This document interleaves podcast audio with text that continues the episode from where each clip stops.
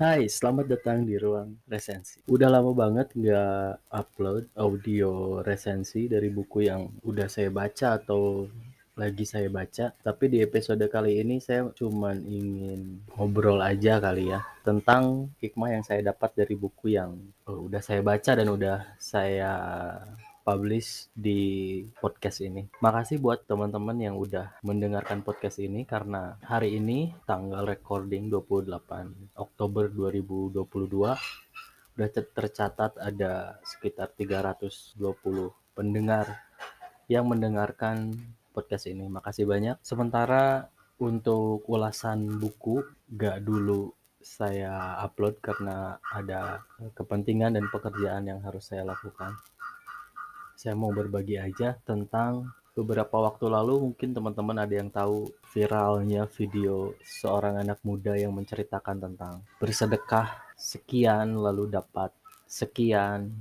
Uh, udah sering lah teman-teman mungkin dengar atau lihat video-video semacam itu. Saya cuman ingin memberikan pendapat saya mungkin uh, ini berdasarkan buku dan pemahaman saya saat ini ya mungkin besok bisa saja berubah. Jadi di buku Why Good Things Happen to Good People itu Stephen Post pernah mengatakan bahwa orang yang paling bahagia ketika ada proses memberi dan menerima justru bukan orang yang menerima pemberian tersebut tapi uh, orang yang memberilah yang mendapatkan kebahagiaan lebih tinggi dibandingkan orang yang uh, diberi. Saya jadi teringat atau mungkin teman-teman pernah dengar juga sebuah ayat dari kitab suci Al-Quran. Ada di surat Ibrahim ayat 7 terjemahannya kayak gini.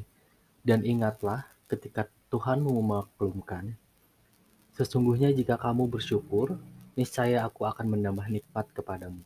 Tetapi jika kamu mengingkari nikmatku maka pasti azabku sangat berat. Yang akan saya garis bawahi adalah bersyukur dan Allah akan menambah nikmat apa hubungannya dengan buku Why Good Things Happen to Good People tadi. Jadi ketika orang mengatakan bahwa memberi, bersedekah itu akan berlipat ganda eh, atau kita akan mendapatkan kembali dengan berlipat ganda, mungkin itu karena kita sedang bersyukur dengan tindakan. Jadi bersyukur itu kan banyak bisa dengan lisan. Yang saya pahami bahwa bersyukur dengan tindakan itu dijelaskan oleh Stephen Post dengan 10 cara memberi tadi di episode uh, ketiga Rong resensi, resensi ini dijelaskan juga ada 10 cara memberi yang relevan yang bisa kita lakukan. Nah, proses memberi itu adalah proses yang adalah proses bersyukur dengan tindakan. Nah, makanya tidak menghitung berapa yang kita beri, apa yang kita beri atau apa yang kita lakukan untuk orang lain. Ketika memberi, kita sedang melakukan proses bersyukur dengan tindakan. Maka sesuai dengan janji Allah Subhanahu wa taala dalam ayat ketujuh surat Ibrahim bahwasanya jika kita bersyukur maka Allah akan menambah nikmat kita. Mungkin itu yang dimaksud dengan ketika kita memberi justru kitalah yang sedang berbahagia, yang merasakan kebahagiaan. Atau teman-teman pernah nggak ada di posisi tidak sedang merencanakan ingin memberi kepada seseorang atau kepada siapa itu, tapi teman-teman tiba-tiba dihadapkan pada suatu situasi di mana teman-teman harus melakukan sesuatu untuk orang lain atau harus memberikan sebagian harta teman-teman untuk orang lain. Oh, teman-teman merasakan ketenangan atau kebahagiaan ketika melihat orang yang kita bantu itu tersenyum. Kebahagiaan itulah yang dimaksud oleh Stephen Post, di mana orang yang memberi akan jauh lebih bahagia dibandingkan orang yang diberi. Dan jangan kaget ketika itu sudah terjadi dan kita mendapatkan kebahagiaan yang berlipat, nikmat yang berlipat terus. Karena apa? Karena mungkin ketika kita memberi, kita sedang melakukan proses bersyukur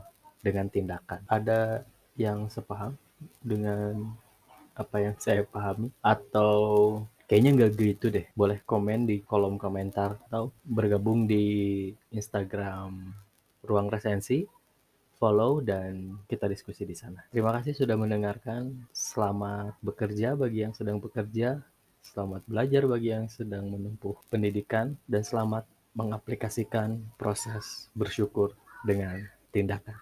Assalamualaikum warahmatullahi wabarakatuh.